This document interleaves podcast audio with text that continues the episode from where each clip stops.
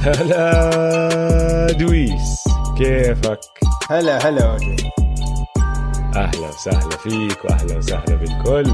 بالحلقة رقم 71 من بودكاست man to man أنا اسمي أوجي معي زي دايما دويس. هلا بالكل البودكاست man to man بنغطي كل عالم ال بي NBA بالعربي. وبما إنه الموسم انتهى بس نحن لسه مطولين. عندنا كثير مشاريع. البودكاست رح يستمر كل أسبوع. معظم الأوقات بيكون يوم السبت فخليكم معنا عشان بالعكس أنا هلأ متحمس إنه خلص الموسم عشان نقدر نبلش نطبق المشاريع اللي عم نحكي عنها أنا وياك صار لنا أشهر. عشان ال playoffs عجقونا ما لحقناش نسوي إشي. هذا ال bubble مصيبة كان يا زلمة ال bubble مصيبة. آه آه كان هيك بعد عطش صار عندنا هيك فيضانات NBA كل يوم. تذكر أول شلالات NBA متذكر ال playoffs أول كم من يوم لما آه. انتهينا يعني. ما كنتش أنام. فخلاصة الموضوع عندنا كتير محتوى جايكم فخليكم معنا حيعجبكم كتير كتير. طبعا غير عن بودكاست Man to Man الاسبوعي هاد عندنا بودكاست Step Back رح نرجع ندخل فيه بقوة. مجهزين كم من حلقة. وشو كمان نخبركم؟ التي شيرت التيشيرتات يا شباب تاعون ليبرون شكله لقينا حله. أعطونا بس كمان أسبوع نرتب آخر أمور الشحن وهيك. بعدين إن شاء الله بنعرض لكم إياها على البيع. وهي تيشيرت أنا لابس اليوم التيشيرت الأبيض. المرة الماضية لبست الأسود فراح يكون عندكم خيار تشتري الأبيض أو الأسود. وخلينا نرجع ندخل على ال basketball أوجي. بعرفش أنت كم من مرة انسالت هذا السؤال هالأسبوع بس أنا انسالته على الأقل على الأقل 20 مرة. إيش السؤال؟ ممكن تناقشوا مين هو الجوت لا ما راح نخش بهذا النقاش. ما راح نخش بهذا النقاش. بس آه. أنا اللي بدي أحكيه كمان ليش ما بدنا نحكي بالموضوع ونخش نتعمق بمين الجوت عشان واحد من اللعيبة خلص واعتزل والثاني لسه عم بيلعب. الثاني لسه بيلعب. صح. ولسه مطول. فيعني شو الفايدة لو بنحكي عنها هلأ وبعدين السنة الجاية نرجع نحكي كمان مرة؟ بعدين السنة اللي بعديها نحكي كمان مرة. لما يخلص لبران جيم ويعتزل يعني بعد يمكن 20 سنة 30 سنة اذا إذا لسه أنا وياك عندنا بودكاست لما يكون عمره 55 سنة. آه لما يعتزل بعد 15 سنة. إذا إن شاء الله عندنا بودكاست يوميتها بنسوي حلقة بنناقش فيها الجوت. بس حاليا لبران قاعد ولساته داعس. بس اللي حابب يسمع ما في داعي. فما في داعي. بس اللي حابب يسمع آرائنا عن مايكل جوردن عملنا حلقة تعمقنا فيها وقت الكورونا لما كان كل شيء مسكر. حلقة 45 تكلمنا فيها عن آخر حلقتين ب The Last Dance برنامج مايكل جوردن. وبعدين تعمقنا بليش نحن بنعتقد إنه حاليا هو الجوت. فإذا بدكم تسمعوا ارائنا عن مايكل جوردن ارجعوا لحلقه 45 أما نقاش بين لبران ومايكل جوردن هذا ما راح نتعمق فيه غير لما لبران يخلص مسيرته. ومن هون لوقتها الله يفرجها. صح. حبيت حبيت اللي بتحكيه. إيه، أنا ما انسألت قدك. إجاني شخصين ثلاثة قالوا لي أوجي احكي عن الموضوع هيك هيك هيك. قلت لهم صراحة مش وقته زي ما أنت عم تحكي. بس أظن أنت انسألت أكثر لأنه حسيتك جاي بدك تفرغ شوي. لا بدي أوضح ليش. إنه ما ما فيش لها داعي حاليا. لسه في وقت كتير وفي كتير لعب لازم ينلعب لحديت ما نقدر. نتعمق بهذا النقاش بطريقة آه، منصفة للاعبين. صح حق. بنرجع لمواضيع السلة. والسلة يا دويس ما بتنتهي. ما بتنتهي. عشان هيك بحب ال NBA أوجي.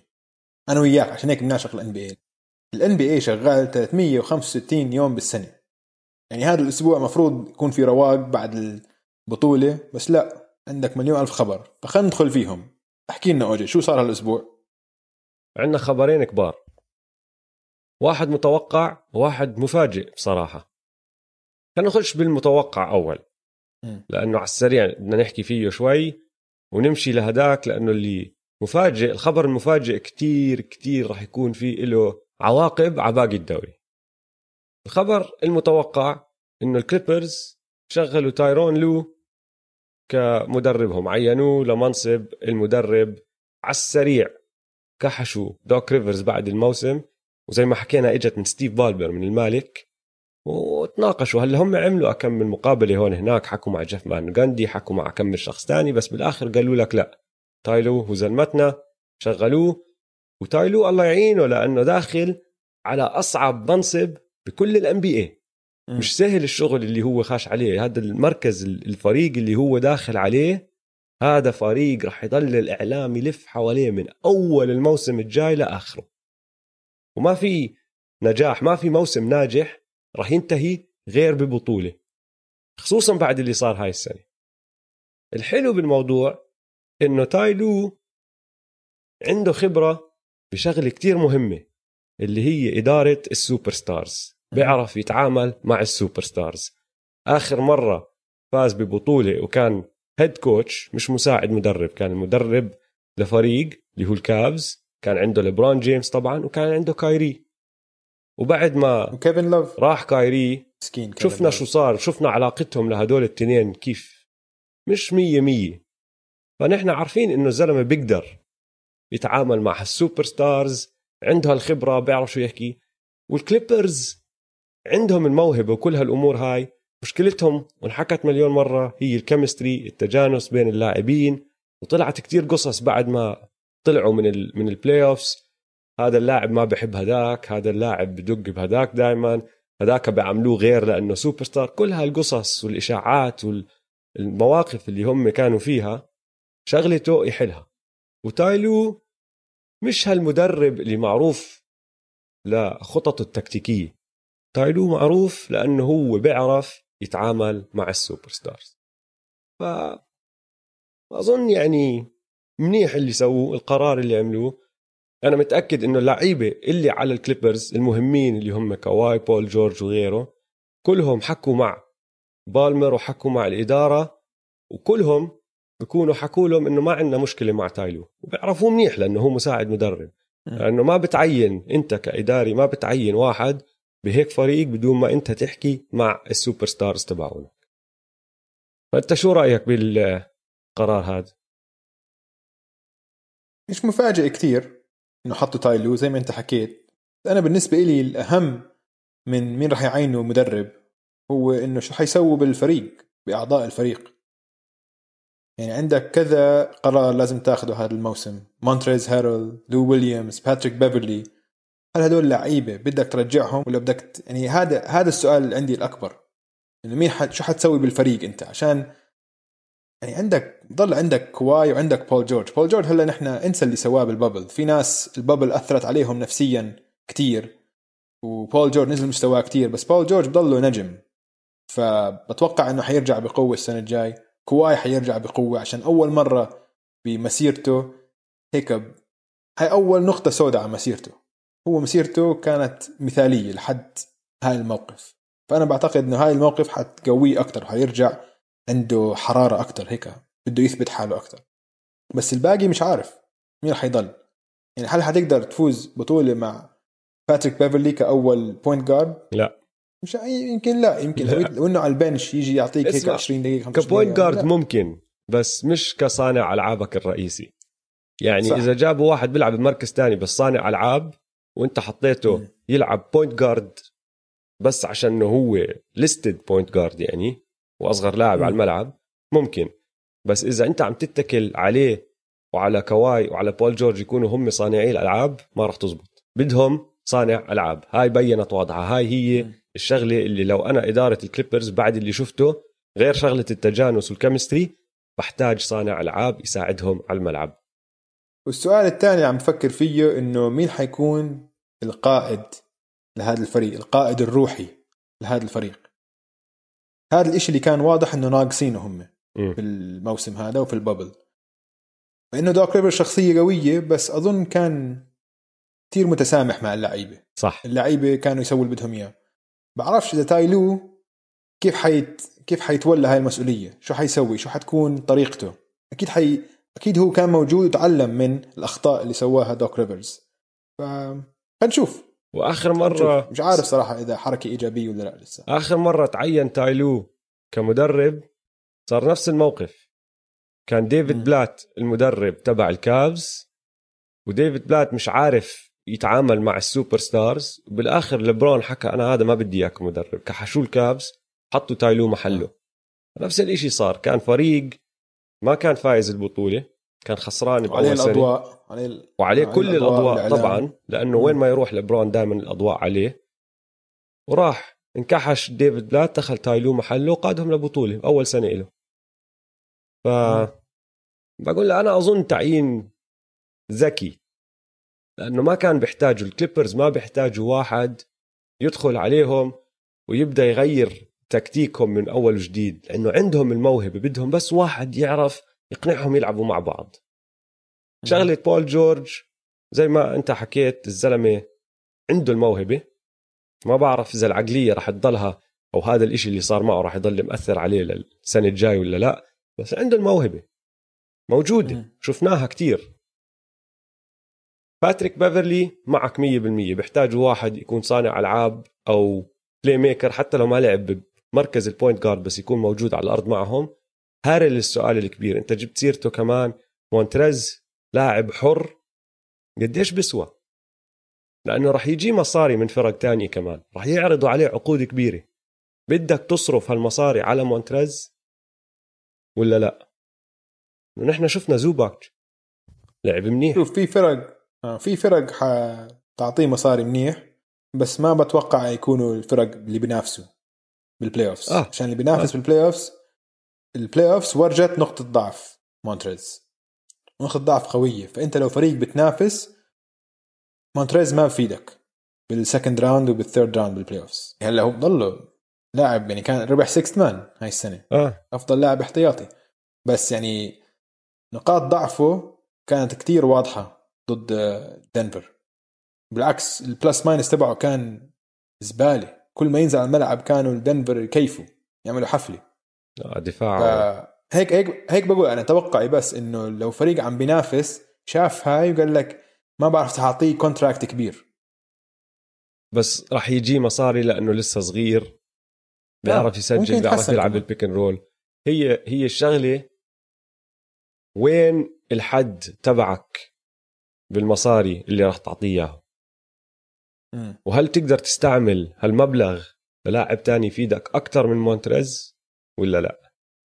وبعد ظهور زوباتش أظن الإدارة بتعرف إنه آه إيفيكا عنا نقدر بلكن ما نتكل على مونتريز. نتخلى عنه ونجيب على سبيل المثال صانع ألعاب بهالمصاري. وبتلاقي بسعره آه. بتلاقي صانع ألعاب كتير مرتب. هلا. هذا الخبر اللي ما فاجأنا. اللي فاجأنا داريل موري داريل موري طلع وفاجأ الكل مش بس نحن. قال لك أنا راح أتنازل عن منصبي كالمدير العام للهيوستن روكيتس. صار له معهم مهم. 13 سنة. وغير الدوري كتير غير الدوري. وما حدا كان متوقعها بصراحة. يعني آه. شغلة مايك دي أنتوني متوقعة إنه راح يتركهم انحكت كتير. بس دارين موري يترك الفريق؟ ما أظن حدا كان متوقعها تصير هلا. والله أنا متوقعها 13 كنت سنة. كثير أنا ما أنا لما أنت. قلت إنه في أقول لك ليش أنا كنت اتوقعها عشان هو هاي صفقة ويستبروك هاي كانت إنه ها هاي آخر محاولة محاولة يائسة كانت. لأنه ويستبروك يعني اللاعب عكس كل ثقافة داريل موري في في ال basketball.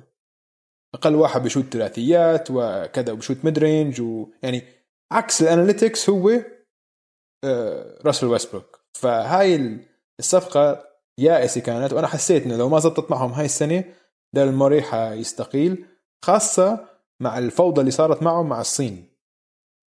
لا بس هي صمد. شغلة الصين صار لها. سنة ونص تقريبا. وهو بعده بس قاعد. يعني وعملت بس ضجة إنه هاي بالضبط. وما كحشوا ال NBA أو ما كحشوا الروكيتس عشان كمان من ناحية سياسة إنه لا إنه نحن آه بنوقف مع داريل موري عشان حق التعبير عن النفس ونحن عندنا مبادئ وهيك. بس ما في ما حد بيقدر ينكر إنه هاي التغريدة كلفت ال NBA تقريبا 400 مليون دولار. صح. هاي التغريدة. ف ماشي.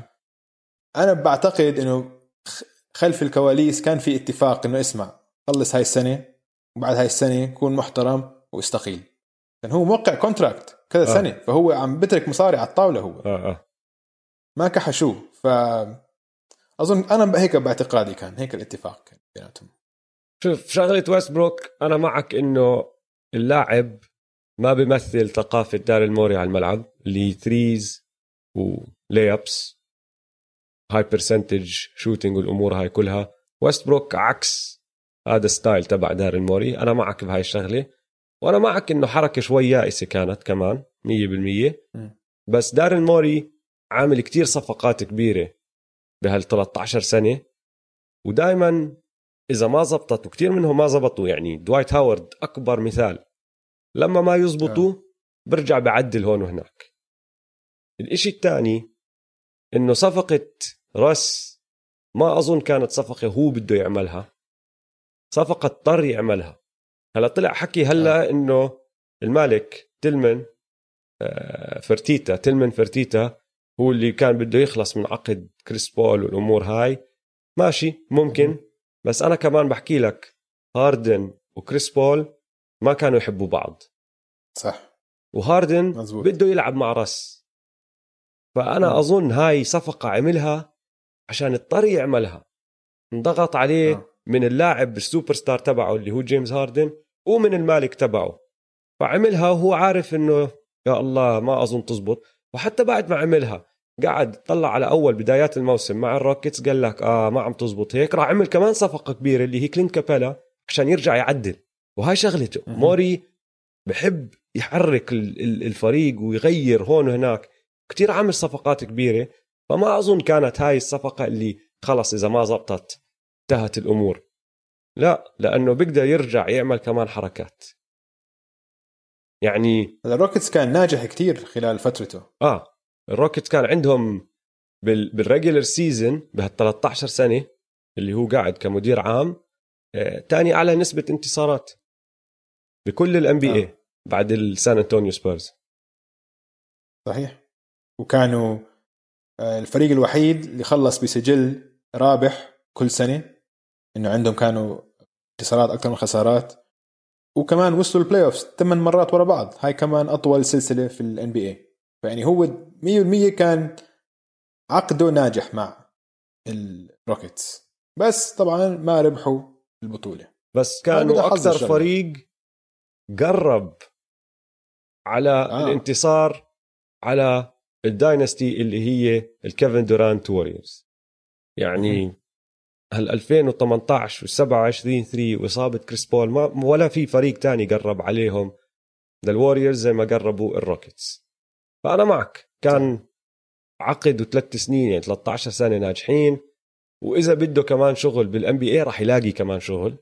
هو بيقولوا لك إنه حاليا راح يضل كمستشار ليلاقوا مدرب. وفي واحد اسمه رافائيل ستون اللي هو نائب الرئيس نائب رئيس عمليات السلة راح يصير المدير العام. فصاروا مشغلين اللي راح ياخذ محله. وبعد ما يشغلوا هالمدرب راح يقول لك داريل موري سلام سلام للروكيتس. نقطع مم. تماما. ويوميتها أنا م- بتحداك. أي فريق ناقصه مدير عام بده يربح راح يرن التليفون عليه. هي الشغلة بده يرجع هلا يشتغل ولا لا؟ لأنه كمان عم بالضبط. بيطلع حكي إنه هو بده يريح سنه بلكن بلكن يروح يشوف شغل برا كرة السلة وبصراحة حرام يشوف شغلة برا كرة السلة. كرة السلة والان بي كثير أحلى لما دار موري موجود. أعطيك رقم. تحت إشراف داريل موري الروكيتس عملوا 77 صفقة 77 trade هذا أعلى رقم من شهر 5 2007 بعد مين؟ الفيلادلفيا 76 الفريق الوحيد اللي عمل صفقات أكثر ب 78 الزلمه بحب يحرك بحب آه. يغير هون هناك ودائما بلاقي لعيبة وبيطلع بأشياء جديدة ف يا ريت يضل بال NBA يا ريت يضل مع فريق نحن مش متوقعينه. نشوف شو بيقدر يعمل. ولو أنا محل الروكيتس يا دويس لو أنا محل موري اولا أظن هذا الوقت الصح اللي أترك الفريق. لأني مش شايف آه له خلص. مش شايف له. قمة أعلى من هيك. مع هدول. اللعيبة خلص. يعني ما راح يقدروا يعملوا أكثر من اللي عملوه هاي السنة. جايهم مدرب جديد. عندهم هلا مدير عام جديد. أظن اجى وقت إنه يحكوا ال Rockets انتهت هاي الحقبة تبعت جيمس هاردن. خلينا نغير. ويعملوا blockbuster offer. ويشحنوا جيمس هاردن محل. أنا بقول لك جيمس هاردن وبصراحة لو زبطت معهم كمان راسل ويستبروك بس جيمس هاردن قيمته أعلى بالسوق من راسل بكتير. أكيد. آه طبعا طبعا. وليش كمان بحكي هذا الحكي؟ لأنه بعد هذا الموسم بيكون ضايل لعقودهم التنين سنة واحدة وبعدين في خيار لاعب. إذا هذا الموسم ما عملوا إشي وصلوا ال playoffs خسروا بال round الأول أو ال round الثاني ما كملوا على البطولة ما كملوا حتى على ال finals أنا بقول لك جيمس هاردن عمره 31 سنة شايف راح يكون عمره 32 راح يكون شايف إنه نهاية مسيرته عم بتقرب ولسه مش موصل ومش عامل إشي. راح يجي يوم راح يطالب ب trade. وبس يجي هذا اليوم قيمته راح تنزل لأنه كل ال NBA راح تعرف إنه إذا هلأ ما ما عملوا صفقة فيه السنة الجاي باخده ببلاش. فهاد وقته. أنا لو إن لو إني محلكم يا Rockets خلص إنهي هالحقبه اعمل تريد ابعت جيمس هاردن محل خد محله لاعبين ثلاثة صغار آه، بطاقات بالدراft متقدمة اللي بتقدر عليه وارجع ابني من أول وجديد. بس طبعا أنا مش المدير العام فالله أعلم شو بيصير يا دويس. اسمع الإشي الثالث اللي بدنا نحكي فيه قبل ما نخش بموضوعنا اللي هو الجوائز. هاي الحلقة. كثير إجانا أسئلة. آه، شو صار ببروني جيمس بعد ما رجع أبوه من ال bubble؟ والله ما شفناه. صار وينه؟ شفت آه، فيديو معطي بنته هيك بيت صغير برا. بس هو مش. مبين ها بس هو مش مبين.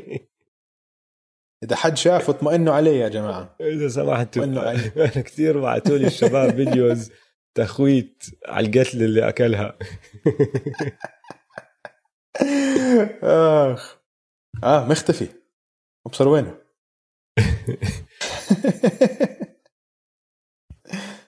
طيب خلينا نخش بالجوائز. هلا هدول جوائز الموسم أنا أعطيتهم للعيبة حسب أدائهم بكل الموسم.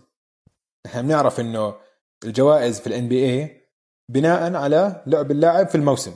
إنه ال MVP وال defensive player وال rookie كلهم بس مباريات الموسم. أنا هدول الجوائز رح اعطيهم للموسم كامل كامل. playoffs و regular. season playoff regular season زي كأنه موسم واحد كله. بس شو سويت يا أوجي؟ خليني أورجيك. أسوي لك share screen يا أوجي. آه، أنت بتعجبك الشغلات هاي. ماشي؟ آه. زي ما أنت شايف يا أوجي بنيت أوف. Excel sheet هتفاضي طيب. أشغال أنت. ولونتها شوي. وهيك كمان. شوي طبعا. سويت إشي سويت إحصائية اسمها DZR دويس زلومية rating. ماشي؟ شو سويت؟ فاضي أشغال؟ لعشر لعيبة حطيت أرقامهم في الموسم آه. بين أرقامهم بال playoffs بين أرقامهم بال finals إذا وصل ال finals معدلات ال finals إذا وصل ال finals آه. هلأ بدنا نحسب مباريات ال playoffs أهم من مباريات الموسم ومباريات ال finals كمان لسه أهم من مباريات ال playoffs عشان بدنا نعطي وزن أكثر للعيبة اللي بفوزوا. فحسبت كل مباراه playoffs عن خمس مباريات وحسبت كل مباراة finals عن عشر مباريات. فهيك مثلا أعطيك مثال فمثلا هيك بتصفي لبران لاعب 67 مباراة بالموسم 75 بال playoffs و60 بالنهائي. فالمعدلات اللي حسبتهم بالأخير موزنة حسب وين وصل اللاعب. بعدين غير عن هيك أوجي زدت آم كمان رقم اللي هو رقم الزلومية. ها؟ وهاي الزلومية تنحسب في خمس محاور. عندك خمس أشياء لنطلع عليهم. أول واحد هل أداء اللاعب تحسن بال playoffs الاداء الثاني هل أداء اللاعب تحسن بال finals تمام؟ آه. الثالث عندك القيادية هل كان شخص قيادي هل كان لاعب قيادي بالفريق؟ الرابع كان عندك الفحص العيني. كيف أنت من حسب رأيي كيف رأيك؟ لما تقعد كيف شفته. عم بلعب ما بحضر له آه. والخامس هو هل كان عنده لحظة إيقونية أو آه، سلسلة إيقونية أو هيك سلسلة مباريات إيقونية. فمثلا اللي سواه ديم ليلرد مثلا آخر ثمان مباريات في ال bubble. هاي كانت سلسلة مباريات إيقونية أنا بحسبها. فأعطيته نقطه؟ عليها. بالضبط. فأنت ممكن تأخذ maximum خمس, خمس نقاط, نقاط. واحدة. على كل على كل شغلة حكيتها أنت هلا. صح. بس ممكن كمان تخسر خمس نقاط. أها. أها. إذا أنت أدائك منزل بال playoffs وما في الفحص العيني كان سيء وما كنت قيادي وما كان عندك ولا لحظة وهيك ممكن تخسر خمس نقاط على هذا. فيا اوجي هذه هي ال Excel sheet. فبعد ال Excel sheet هذا طلع عندي هذول الجوائز. ال MVP لبران. مش يانس هاي أول اختلاف. أحسن مدافع في ال NBA أنثوني ديفيس. مش يانس عشان بيقدر يدافع على الخمسة وأداؤه بال playoff كان أحسن. وأهم إشي إنه لما اللاعب اللي ضده كان فتح يفتح فيه شوارع هو راح للمدرب قال له أنا رح امسكه لما سوى فيه جيمي باتلر هيك أنا رح أمسكه.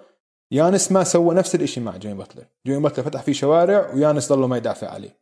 وبعدين لما سألوه الناس قال لهم ليش أنا برد على ال coach؟ لا. هاي خسرت عليها نقاط في الزلومية. يا يانس. rookie of the year ضلت زي ما هي عشان جا كان رائع الصراحة. بس الشيء الوحيد اللي ممكن يتغير هو مين تاني وثالث أحسن rookie مثلا تاني أحسن rookie هذا الموسم بحطه تايلر هيرو أكيد. أكيد اللي سواه بال playoffs وال finals كان خرافي لواحد عمره 20 سنة. بعدين استعملت هاي الإحصائية ال DZR دويس زلومية rating عشان أطلع التشكيلة الأولى والتشكيلة الثانية لل NBA اللي هو ال all NBA first team وال all NBA second team يعني بدي أجاوب بدي أعطيكم مين أحسن 10 لعيبة برأيي أنا. هذا الموسم. لهذا الموسم لهذا الموسم طبعا. يعني KD وستيف مش موجودين عشان ما لعبوش هذا الموسم. أوكي؟ all NBA first team التشكيلة الأولى في ال NBA هاي السنة. لبران الأول. بعدين لوكا. بعدين أنثوني ديفيس. كواي. بعدين جيمي. فالفرق هذا إنه حسب هذا حسب ال Excel sheet. حسب هذا حسب ال DZ sheet. R على حسب ال D DZR آه. فاللي صار هون إنه حطينا جيمي محل يانس عشان كانوا هم متقاربين كتير بال DZR حتى ال DZR تبع يانس كان 43.2 وتبع جيمي كان 43.1 كان قريب كتير. عشر يعني. عشر بس. بس ما انهم التقوا مع بعض بال playoffs وواحد انتصر على الثاني فلازم أحطه في التشكيلة قدامه. تمام. تمام؟ وكواي أخذ محل هاردن في التشكيلة الأولى. تمام؟ فعندك التشكيله الاولى لبران لوكا AD كواي جيمي. التشكيلة الثانية يانس ديم هاردن the Joker وجيسون تيتم الاختلاف هون إنه تيتم اجى من الفريق الثالث التشكيلة الثالثة للثانية وطلع طبعا كريس بول وسياكم طلعوا من ثاني أحسن تشكيلة. فهاي هي قديش قاعد تعمل أنت هذا الحكي. ولا شيء هيك نص ساعة زمان. والله شغل مرتب يا دويس أنا هيك عندي خبرة بس بس في مشكلة كبيرة أنا شايفها بالتقييم تبعك قل لي وجه شو المشكلة اللعيبه اللي وصلوا ال finals بصفي تقييمهم أعلى كتير لأنه حسب توزيعك كل مباراة آه. بال finals وزنها تسوى 10 10 مباريات صح فبتسوى صحيح. 10 بال regular season. وكل ما لاعب يلعب أكثر بال playoffs بصفي كمان عم بيطلع التقييم تبعه لأنه كل مباراة بال playoffs تسوى خمس مباريات بال regular season صح ولا لا أكيد حسب إذا بيلعب أحسن إذا بيلعب أسوأ بنزل تقييمه طيب؟ افترض لاعب لعب لعب جبار بس فريقه مش هالفريق. بصفى مش لاعب كتير بال playoffs هذا راح ينزل تقييمه أو راح يصفي آه. في عنده اللاعب اللي ضده أفضلية. صحيح. أو إذا لاعب وصل ال finals زي تايلر هيرو على سبيل المثال راسي وعيني لعب كتير حلو طلع من تايلر هيرو شفنا لعب كتير حلو من تايلر هيرو بال finals وبال playoffs بس لولا جيمي لولا دراجيتش لولا بام ما كان وصل آه. هناك. فصفى هو على قائمة ال rookies كتير أعلى. لأنه دخل على فريق جاهز ومتهيئ وفيه نجوم ساعدوه يوصل ال finals فاهم شو قصدي؟ صح. فاهم. فأظني بده تعديل شوي هذا ال DZ R لا هلا لو بناخذها ما هلا عشان هيك أنا ما طبقتها هاي على ال rookies ال rookies في كتير عوامل زي ما أنت حكيت. بس على أحسن عشرة بال NBA أنا بقول لك أنا باعتقادي برأيي المتواضع هذه أحسن إحصائية بكل ال NBA بكل analytics يعني لو داريل موري شاف هاي ال Excel sheet كيف؟ الشغله خاصة. الزلوميه هي هاي هي OG هاي هي شغله الزلوميه هل أنت لاعب بيرفع مستواك في المواقف الصعبة؟ فهيك لازم. فمثلا جيمي اللي سواه رائع كان. بالموسم كان 20 نقطة. بال playoffs كان 23 بعدين بالنهائي صار 29 هاي زلومية هاي زلومية فلازم المباريات دول نحسبوا أكثر بالنسبة لي يعني. أنا ضد إنه تحسب ال regular season وال playoffs بنفس ال بنفس الجوائز. أنا أظن لازم تفرقهم. بعد ما فكرت فيها شوي أنا بقول احسب كل جوائز ال regular season بس بال regular season وبعدين جوائز لل playoffs لحالهم. لأنه جد في عوامل كتير ممكن تمنع لاعب يدخل أصلا ال playoffs بس بيكون أداؤه بال regular season كتير مرتب. آه. بلكن لاعب آه، انصاب النجم الثاني بفريقه وطلع لفترات طويلة بس هو بدع. راح يصفي هذا انت التقييم تبعك معاقبه لهذا اللاعب لأنه ما وصل ال playoffs مش معاقبه إذا أرقامه بالموسم كانت خرافية كمان. يعني لسه آه، عم بس مش نجمع راح يطلع. لساتنا عم نجمع. لا مش بس حتى لو ضل لو ضلوا مثلا لو ضلوا مثلا برادلي بيل 30 نقطة خمسة كذا كان بيكون لسه وصل ممكن يوصل ال top 10 ممكن بس كمان الفوز عامل كتير مهم. لازم انت تنتصر لازم تقود فريق لل playoffs أكيد الموسم أنا معك. وأنت بس بتعرفني تجهيز أكثر. واحد آه. بحب يكافئ اللعيبة اللي على فرق بتفوز. أنا معك 100% طب أسألك- بهذا الحكي. أنا بس بحكي لك لما توصل ال playoffs ال regular season تقارن كل اللعيبة مع بعض على راسي وعيني سهلة. ماشي؟ بينتهوا. ال- المباريات تبعت ال regular season وبتعطي هالجوائز لشو صار بها 82 مباراة. احكي هاي السنة أقل طبعا بس بالعادة 82 مباراة. لما تدخل م. على عالم ال playoffs ما بعطوا جوائز ال MVP بس بعطوا ال finals finals MVP هو الإشي الوحيد اللي بعطوه بالضبط. هاي أنا ضدها. أنا بعت أنا آه ضدها. هاي gap كبير هاي gap آه. كبير. أنا معك إنه لازم يكون في جوائز لل playoffs بس ضد إنه جوائز ال playoffs تخلطهم مع جوائز ال regular season ليش؟ هاي هي. بس هاي الشغلة اللي عم بحاول أحكيها. فلو أنت طب. التقييم تبعك كان بس لل playoffs بقول لك حلو الحكي. كتير حلو بقدر الحكي. ال Excel شوف ال Excel sheet جاهز بقدر أسوي لك الترتيب حسب ال playoffs بس بس هاي أنا كمان باعتقادي ما بتعطيك الصورة كاملة عشان أنت لما تحكي جائزة أفضل لاعب للموسم. مش لما نعط... لو حطيناها للبران بعد ما خلص الموسم مش لبران هو أحسن لاعب هذا الموسم كان؟ طبعا. طيب بس ما أخذ الام في بي فلما تطلع بالتاريخ بقول لك يانس أخذ أفضل لاعب. هذا غلط. أخذ آه، أفضل لاعب تصويت. اول هذا آه، تصويت ونظام. نعرف كيف تصويت. نعرف كيف تصويت عمره بس بصير. نظام. ما هذا اللي عم بحكيه أنا. هذا اللي عم بحكيه إنه لو يطلعوا على كله مع بعض ويعطوا وزن أكثر لل playoffs مش وزن كامل لل playoffs وزن كامل لا بس وزن أكثر لل playoffs وزن أكثر لل finals هيك الجوائز تعطي تمثيل أفضل لمين هم جد أحسن لعيبة؟ يعني مثلا أفضل 10 لعيبة هل تتفق معي إن هدول أفضل 10 لعيبة هذا الموسم؟ طلع على التشكيلة العادية. لوكا ديفيس كواي جيمي يانس ديم هاردن يوكيتش وجيسون تيتم. يعني قبليها لو نطلع على تشكيلة ال All-NBA اللي طلعت من ال NBA كان عندك سياكم بال All second NBA team لا ما بتفق معك على سبيل المثال. أقول لك ليش. لأنه أنا بالنسبة لي إذا بس عم تحكي هدول العشرة CP3 مفروض يكون محل واحد زي ديم ليلرد أوه. أحكي لك وال- ليش. أحكي لك ليش. وال- أنت ديم وال- ليلرد رفعته كتير عشان الثمان مباريات اللي بال seeding games لما شفنا ال Dame time وكان كتير حلو لعبه صح ولا لا؟ لا رفعت رفعت رفعت نقطة. ماشي بس هاي النقطة شالت CP3 من ال second NBA team لا CP3 ما حدش كان قريب يا زلمة. CP3 بدع. CP3 يعني بس انت يعني هلا عم تحكي لي إنه بأول أول 10 واحد CP3 مش موجود. بس يعني انت هلا بتحكي لي CP3 كان موسم أحسن من موسم ديم آه. هاي السنة؟ أحكي لك ليش. أحكي لك ليش. ديم كأرقام كتير أحلى أرقامه. بس ديم يلا وصلوا ال playoffs وصلوا لأنه هو لعب هالثمان مباريات الجبارة على راسي وعيني ودخلهم. بس ما أنت هيك عم بتعاقب CP3 على موسم باول الموسم ما كان حدا حاططهم بسباق ال playoffs طلعوا رابع. ما عم بعاقبه بس عم بقول لك كان في عشرة أحسن منه. ما ما. بتفق فهمت يعني علي؟ أنا بحكي لك اللي 11 عمله سي بي 15 3 هذا الموسم كثير خرافي كان. وغير هيك وصل ال playoffs ولعب ل game 7 في ال playoffs ديم طلع بخمسة.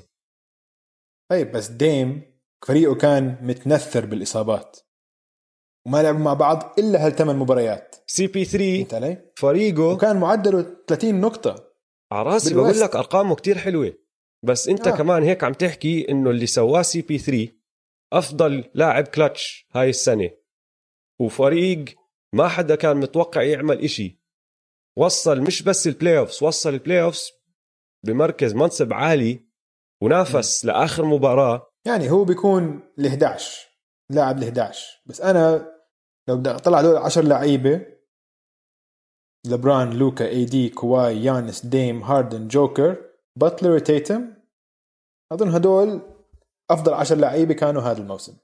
وكريس بول بيجي مركز 11 أكيد. كريس بول يعني حاولت أحطه هون حاولت. بس أرقامه كانت كتير كتير أوطى. لما تقعد تدخل ال regular season مع ال playoff بصير في لخبطة كتير. عوامل. ال regular season ولعب ال regular season والطريقة اللي الفرق بتدافع بال regular season وبتحضر بال regular season غير كتير عن ال playoffs وفي عوامل ما بتقدر تدخلها أو تعطيها وزن لأنه جد كيف أنت كيف قررت إنه مباراة playoff تسوى خمسة؟ بلكن سبعة بلكن عشان عم بعدل بلكن رقم 12 مباريات. بلكن ثلاثة. لا لا ما عم ب... أنت خليني أجاوبك. عم بقول لك عم بعدل عدد المباريات عم بخليهم تقريبا نفس المباريات. إنه أنت لعبت مثلا 70 مباراة بال season ومثلا سبعة. إنه حطيت طلعت ال averages قلت okay هاي بتسوى خمسة وهاي بتسوى 10 صفى مثلا كل واحد مثلا. صفى AD لاعب 62 regular season 75 playoffs و60 finals وهيك أنا سويتهم هيك بناء على هذا يعني. الموديل مش perfect بده تعديل بده بده كذا. بده شغل كتير. بس أنا برأيي إنه هاي فكرة رائعة إنه أنت تعطي وزن أكثر لل playoffs وال finals أنا ك ك كمقيم لعيبة أنا هيك بعطيها. بطلع على واحد بال playoff شو بيعمل وبال finals هل أداؤه بيرتفع؟ هاي بعطيه بحسبها وزن أكثر كتير من لما تلعب بشهر اثنين ضد ال Charlotte Hornets. okay؟ في فرق كبير. طيب. على سبيل المثال جمال. موراي. آه. ما كان من أفضل 10 15 واحد بال playoff من أفضل 10 بلكن صح ولا لا؟ آه. ما طلع بولا محل عندك لأنه ال regular season تبعه ما كان منيح أو كان عادي كتير. آه. طيب. لو أنت أنت هلأ أخذت ال playoffs بدون ال regular season ما كان طلع اسمه؟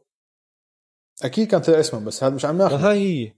أنا طيب هذا عم تاخذ بس آخر شهر بس أنت أنا هذا اللي عم بحكيه ما بتقدر لأنه هلأ جمال موراي تعاقب بتقييمك لأنه ال regular season تبعه كان عادي. أنت خد جوائز البلاي اوف غير عن جوائز ال regular season وأكيد أنت جمال موراي راح أنت يكون سوي. تقييم لك أنا هذا التقييم كل الفكرة من هاي إنه أطلع على الموسم كله. ما أفصل بين ال season وال playoffs لو بطلع على كل المباريات أنت لعبتهم بموسم 2020 بما فيهم الموسم وال playoffs وال finals هذا التقييم اللي أنا طلعت فيه. أنت بدك تفصلهم بدك تفصلهم أكيد بيطلع نتائج غير. في سبب ليش الدوريات زي ال NBA وال MLS وال NHL وال NFL اللي بيلعبوا بالنظام الأمريكي اللي هو موسم وبعدين بتأهلوا فرق بيلعبوا playoffs ولا واحد فيهم ولا واحد من هالدوريات بعطي جوائز لل regular season مع ال playoffs خلطة. لأنه هذا إشي وهذاك إشي. فأنا معك إنه في مشكلة إنه نحن ما مش قاعدين بنكافئ الناس اللي بتبدع بال playoffs finals MVP جائزة واحدة. طب والباقي؟ طب بلكن واحد إجت سنة آه، جيمس وورثي قبل 20 25 سنة. لعب playoffs عاديين وصل ال finals بدع. فصفى هو فايز finals MVP طيب ماجيك وكريم وجماعته على الليكرز اللي أصلا ساعدوا الليكرز يوصلوا لهالنقطة كانوا بيستاهلوا كمان إشي صح؟ ما طلع لهم لأنه بسلسلة واحدة اللي هي سلسلة ال finals جيم وورث جيمس وورثي بدع. على راسي وعيني. في مشاكل بالفكرة تبعت ال NBA إنك بس تعطي جائزة واحدة. بس تخلط ال regular season مع ال playoffs أنا مش راكبة مخي مش داخلة مخي. بس هذا اللي بحاول أحكي. حقك. أنا هذا اقتراحي. أنا عم بطلع على الموسم كله وهيك لو بدي أطلع على الموسم كله هذا التقييم اللي أنا بعطيه لكل مباريات وزن أكثر لل playoffs ولا ال finals حلو. أنا بشكرك على المجهود بصراحة بس لا أتفق معك بال DZR وهاي الفكرة. أحسن إحصائية بتاريخ كرة السلة أنت بس غيران عشان أنت ما طلعت فيها كمان. لا بس أنا طلعت بجوائز أو أنا وياك طلعنا بجوائز man to man راح ناخذ timeout سريع وبس نرجع من ال timeout راح نوزعهم وهدول راح يغطوا بس ال playoffs يا دويس. مش ال regular season آه. فأنا متحمس لهم أكثر من ال DZR يلا. timeout timeout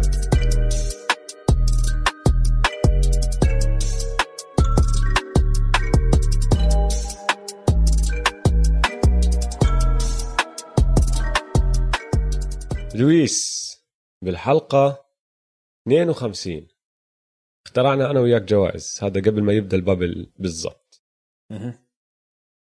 وشو كانت فكرة هدول الجوائز؟ أخذنا لعيبة من السنة الماضية من أداء البلاي أوفس تبعهم السنة الماضية وسمينا الجائزة باسمهم. بعدين قعدنا نتوقع مين راح يفوز كل جائزة اخترعناها. فاليوم إيش راح نسوي؟ راح نرجع نذكر الكل طبعا شو هم الجوائز. وبعدين كل واحد فينا راح يقترح الفائز تبعه للجائزة بعد ما شفنا ال playoffs هدول هاي السنة.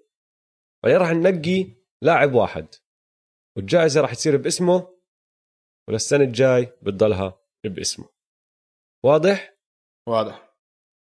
راح نبدأ بأول جائزة كنا مسمينها نحن جائزة كواي. مين اللاعب اللي أداؤه هاي السنة ممكن يغير مكانة مسيرته بين العظماء. راح أبدأ أنا. راح أعطيها هاي السنة لأنتوني ديفيس. أوه. وقبل ما يقوم علي الجيش لا أنا عارف. اتفاق. عندنا اتفاق. اتفقت. حلو.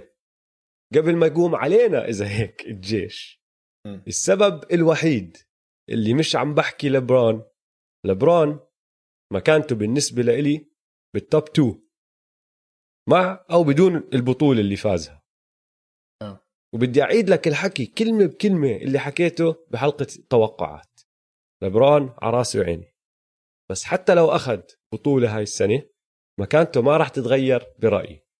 إذا عملها كمان مرة السنة الجاي بلكن هون صار في حكي حسب أدائه وقتيها. وزي ما أنت حكيت أول الحلقة لسه مسيرته ما خلصت وممكن تكون مطولة. وبصراحة على هاي النقطة بضل موقفي ثابت للآن. اللي بيسمع البودكاست صار له زمان بيعرف إنه بالنسبة لإلي MJ ال GOAT بس أنا بحترم أي شخص بيجي بيقول لي لبرون الجوت. احكي لي أي اسم تاني وراح أضحك بوجهك على طول. بس هاي البطولة ما غيرت ترتيبي. وبالصراحة ما أظن غيرت ترتيب أي حدا. حتى مع النقاشات اللي صارت هالأسبوع اللي ولعت بالإنترنت هلا كم اليوم أظن كتير قلال الناس اللي غيروا ترتيبهم بعد هاي البطولة. إذا أنت اليوم تيجي بتقول لي إنه لبرون الجوت تبعك هذا كان رأيك قبل شهرين. آه. على الأغلب يعني. وإذا أنت اليوم الجوت تبعك جوردن يعني على الأغلب كان رأيك جوردن قبل شهرين. هاي البطولة ما أظن غيرت هذا الترتيب لحدا. فمشان هيك جوابي مش لبرون الفكرة هون إنه اللي مين أداؤه حي ممكن يغير مكانته بين العظماء. لبرون مكانته بين العظماء ثابتة. مختومة محفوظة بالضبط. فهاي ال playoff عم نحكي ما غيرت من مكانته. بالضبط. قوّت قوّت من مكانته بس صح. بس لساته ما موجود. غيرت ما غيرت بالضبط. هلا ليش أخذت AD ومش واحد تاني زي جيمي مثلا؟ راح أقول لك لأنه كتير حلو اللي سواه AD هاي السنة. AD مشواره بال playoffs كان تاريخي. بس لأنه فاز بطولة زادها على ال résumé تبعته صار عنده لقب باسمه. هلا صار في نقاش بتقدر تدخل AD بنقاش أعظم ال power forward بالتاريخ. وبعرف إنه هلأ في كتير ناس عم تحكي شو ضربة المخ هاي. خليني أكمل. ماشي؟ بالعادة لما أنت تحكي عن أحسن power forwards بالتاريخ مين الأسامي اللي بتحكي بتنحكى؟ دانكن؟ دا دانكن. جارنيت؟ آه، نويتسكي. نويتسكي؟ باركلي، باركلي. كارل مالون. هدول بالعادة هم ال top five بتتغير هون وهناك مين بترفع مين بتنزل بس بالعادة تحكي مع اي حدا تقول له مين ال top five power forwards بالتاريخ وهدول الخمس أسامي اللي موجودين صح؟ م. خليني أحكي لك أكمل شغلة وخلي ببالك إنه أنتوني ديفيس هاي كانت ثامن سنة له بال NBA عمره لسه 27 سنة ماشي إذا ما انصاب ضايل له يعني ست أو سبع سنين يلعب ويكون من النخبة بال NBA هلأ بعد ما فاز هاي البطولة صار تا... صار ثامن لاعب بالتاريخ بيربح بطولة NCAA بطولة جامعات بيربح ميدالية ذهبية وبيربح ال Larry O'B اللي هي بطولة ال NBA حتى لبرون ما عنده إياهم هدول الثلاثة لأنه ما عنده بطولة ال NCAA ثمان لعيبة بتاريخ السلة فازوا هالثلاث بطولات. غير هيك عنده أربع All-NBA selections هذا نفس العدد اللي عنده إياه نويتسكي نفس العدد اللي عنده إياه جارنيت باركلي عنده خمسة. فكمان All-NBA selection بلحق باركلي. غير هيك عنده أربع اختيارات لأفضل فريق دفاعي بال NBA أو أفضل فريقين All-Defensive يا أول يا ثاني تنتين من هدول للفريق الأول. لا نويتسكي ولا باركلي اختاروه ل All-Defensive بمسيرتهم كلها ولا اختيار. طلع على الأرقام بعدين. لو تأخذ بس أول 8 سنين من مسيرة كل هدول اللاعبين ال all-time great power forwards غير تيم دانكن. حط تيم دانكن على جنب لأنه تيم دانكن إشي تاني. ماشي؟ تيم دانكن كتير خرافي كان. وتطلع على ال per 36 numbers عشان كل واحد فيهم لعب يعني في اللي لعبوا أكثر في اللي لعبوا أقل. فأنت خد أرقامهم لكل 36 دقيقة كانوا على الملعب عشان تأكد إنه ال- المقارنة مقارنة عادلة أنتوني ديفيس بيطلع يا أول يا ثاني بالبوينتس بالريباوندز بالستيلز بالبلوكس بالفري ثرو برسنتج بال true shooting percentage بال PER بال win shares بكل 48 دقيقة وال box plus minus يعني أنت عم تحكي عن إحصائيات وأرقام عادية ومتقدمة. خش على ال playoffs هاي السنة معدله كان 27.7 points per game و9.7 rebounds per game مع معدل true shooting percentage بنسبة 67% ولا لاعب بتاريخ ال NBA عنده هالأرقام إذا لعبوا بعد الدور الأول. ولا لاعب. ال PER تبعه كان 29.6 ال win shares per 48 0.284 في لاعبين بتاريخ ال NBA عندهم هالأرقام وفازوا البطولة بنفس السنة. لبرون جيمس ومايكل جوردن. لسبب ما ال great power forwards بتاريخ ال NBA عانوا من إنه يفوزوا ببطولات. دانكن الوحيد ومشان هيك زلمة غير عنهم برأيي إنه مستوى تاني لما تحكي عن power forwards م. نويتسكي جارنيت باركلي ومالون الأربعة مع بعض عندهم خاتمين. آه، إذا أنتوني. ديفيس فاز كمان خاتم راح يصير عنده هو لحاله خواتم قد الأربعة هدول مع بعض. م. الإشي اللي ناقصه لأنه حكينا كل هذا الحكي بس الإشي اللي ناقصه اللي كلهم عندهم إياه إنه كلهم فازوا MVP على القليلة مرة. هو ما عنده ال MVP award لسه بس عمره 27 سنة. مش طبيعي. تخيل. مم. شايف أنت كل اللي حكيت لك إياه؟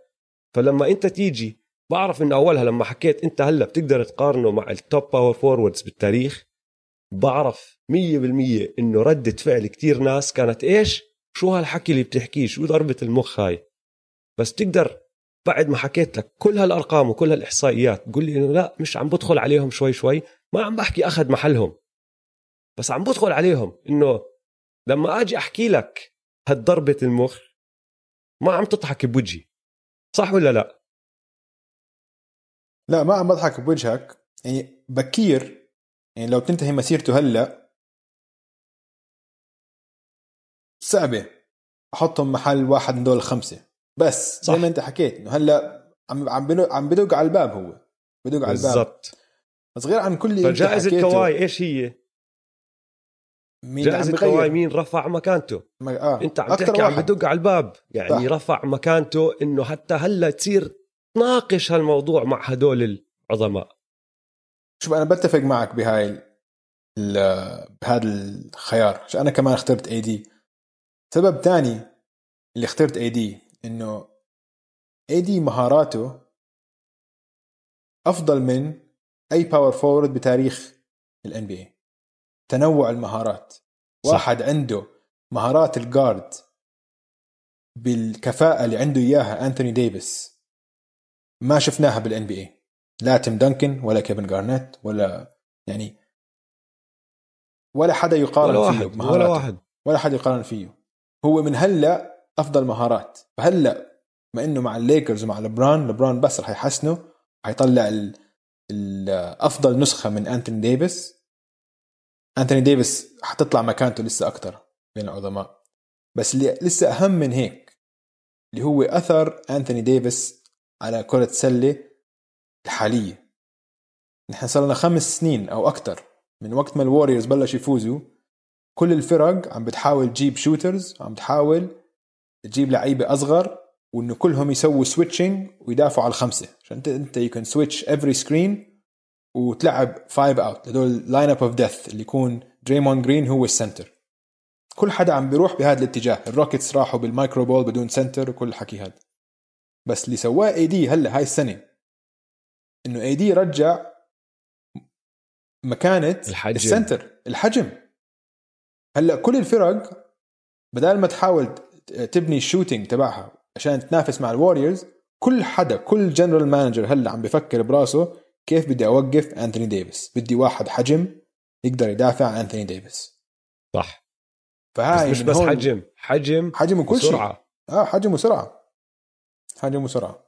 فاسمع أنا بقول لك إياها بهاي الطريقة. احكي لك إياها بطريقة ثانية نحن حكينا الجواب مش لبران لأنه لأسباب واضحة مكانته هداك ثابتة. الخيار اللي ممكن كان أخذناه اللي هو جيمي صح؟ يعني إذا مش رح تأخذ آه. AD جيمي جوابك. جيمي مشواره بال playoffs تاريخي. آه. كان عنده مباريات تاريخية وخصوصا مبارياته بال finals ما رح ننساهم. فنط جيمي نط. وهلا دخل على ال top 10 بال NBA إنه ما بتقدر تحكي أنت عن أفضل 10 لاعبين بال NBA بدون ما يكون اسم جيمي موجود. الفرق بينه وبين AD إنه جيمي خش على ال top 10 بال NBA هلا. AD خش على نقاش ال top 5 power forwards بالتاريخ. هذا الفرق هاي بتوصلني للجائزة الثانية تبعتي اللي هي سميناها نحن جائزة كايل لاوري. هاي الجائزة لأكثر واحد ممكن يغير الانطباع عنه هاي السنة. السنة الماضية كانت كايل لاوري عشان كايل لاوري صار بطل صار كلتش. صح. مين كان توقعك قبل ال playoff نسيت صراحة. طب أنا بدي أحكي لك مين كان توقعي. حطيت اثنين مع بعض. راسل ويستبروك وجيمس هاردن. خد دقيقة بس اضحك. اضحك. أيوه رجعنا. خلاص ضحكت على حالي شوي ورجعنا. آه. لا لحظة أنا كمان شفت مين توقعت. أتوقع بن سيمنز. كمان اضحك. يا حبيبي. لا احكي لسه اسمع احكي بن سيمنز كان مصاب ما لعب ف مسامح. آه لساته بيعرفش يشوت. بس اللي هلا بعطيه الجائزة هو هلا ذكرناه جيمي باتلر buckets. أكثر واحد غير الانطباع عنه. انطباع متفق معك. معظم الناس إنه جيمي لاعب بسوي مشاكل وبتعرف نعرف قصصه مع مينيسوتا وكل الحكي هذا بس جيمي هلا زي ما انت حكيت جيمي من أفضل عشر لعيبة في ال NBA بدون أي نقاش. إذا أنت ما بتحط جيمي بال top 10 تبعك أنت بتفهمش سلة مع كل احترامي.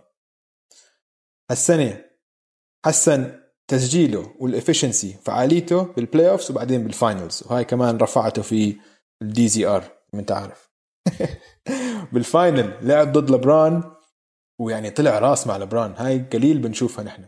كانت مواجهة جد آه، هيك كلاسيك كانت كلاسيكيه عشان هو عم بدافع على لبران لبران عم بدافع عليه. ورائع واستطاع إنه ينتصر عليه مرتين. هاي نادرا ما تصير. نادرا نادرا. وهلا لما أنت تيجي تحكي بدي أربح بطولة وجيمي أحسن لاعب على فريقي ما حدا بيضحك عليك. كل بحكي لك آه بتقدر. فأنا معك هذا آه، هاي جائزة كايل لاوري راح يصير اسمها جائزة جيمي باتلر. حلو. الجائزة الثالثة أكثر لاعب ممكن ينضر من أدائه هاي السنة أو بمعنى آخر اللاعب اللي نسي كيف يلعب. كان اسمها جائزة إريك بلدسو. أها. أنا كنت حاطط كمبا كمبا بس. آه كنت كنت متوقع كمبا متوقع كمبا آه بقول. okay آه. okay. آه. بس الجائزة أعطيتها لبول جورج. أوه. كمل. أنا عندي اخت- اختيار تاني. احكي. ليش بول جورج؟ أنا بول جورج لأنه يعني بكفي اللقب لما انت يكون لقبك ال nickname تبعك Playoff P بعدين يصير Pandemic P انت يعني ضريت حالك كتير يا صديقي. كتير. آه. أرقام بول جورج بال playoffs 20 نقطة 6 rebound 4 assist تقريبا. 40% نسبة تسديد من الملعب و33% نسبة تسديد من برا القوس. هدول أرقام مش سوبر ستار يعني بدي اقارن لك إياهم بلاعبين. شاي جيلجس الكساندر 16 نقطة 5 rebound 5 assist دانيلو جاليناري 15 نقطة 5 rebound 5 ونص assist بدي أرجع أذكر الكل إنه الكليبرز عملوا صفقة عشان يجيبوا بول جورج فيها هدول اللاعبين شاي جيلجس الكساندر ودانيلو جاليناري وزادوا عليهم بطاقات دور أول بال 2022 24 26 كمان خيارين بال 21 و 23 جايينهم من ميامي وحق الاستبدال لخيارات الدور الأول بال 23 وال 25 هذا اللاعب اللي جابوه مفروض لاعب توب 15 بالكتير. في ناس آه. بيقولوا لك توب 10 بس زبل على الملعب. وبعد ما خلصوا ال playoffs كمان طلعوا القصص إنه حتى برا الملعب ما كانوا يطيقوه فريقه مش كتير بحبه ال chemistry killer بالفريق هو وهلا في حكي كتير عم بيقولوا لك إنه الكليبرز بدهم يلاقوا صفقة يعملوا له trade off. ترجع سنة لورا للصيف الماضي تحكي wow. لي إنه بعد بسنة بدك إنه عم بفكروا بكل جدية يعملوا trade لبول جورج كانت ضحكت بوجهها قلت لك مستحيل. فبالنسبة لي أكثر لاعب ممكن ينضر من ادائه هاي السنة كانت كتير واضحة. جائزة إريك بلدسو لإلي صارت جائزة بول جورج. أنت مين اختيارك؟ أنا اختياري لهاي الجائزة سياكم. حلو. باسكال سياكم اوجي كان كتير سيء. كتير آه. كتير سيء. كان معدله 17 نقطة المباراة 4 assists وعم بشوت 19% من الثلاثيات. وكان شكله غلط. يعني انسى آه. كل هذا آه. الحكي. كان عم طلع عليه إنه أنت جد نسيت كيف تلعب. جد. فأنا بتوقع إنه أداء سياكم كان أسوأ من أداء بول عشان بول جورج كان عنده مباريات منيحة. كان عنده كان مستواه متذبذب والمباريات المهمة ما لعب منيح بس فيها كم مباراة جاب فوق 30 نقطة يعني. سياكم نسي كيف يلعب باسكت.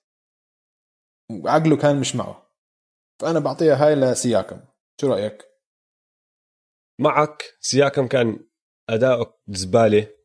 صدقني أنا حضرت له وانتبهت عليه أكثر من أي حدا تاني لأنه طبعا فريقي ما ما كان صح الزلمة زي ما أنت عم تحكي بالضبط.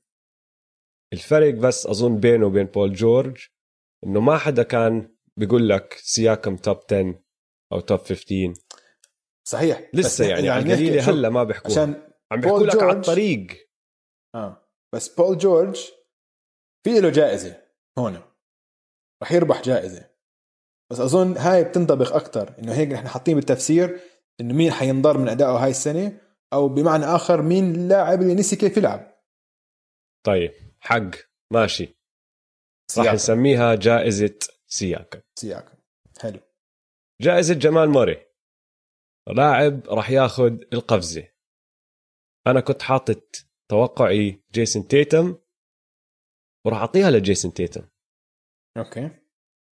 معدله 25.7 10 rebounds 5 assist و steal كل مباراة. شات بنسبة 45% من الملعب.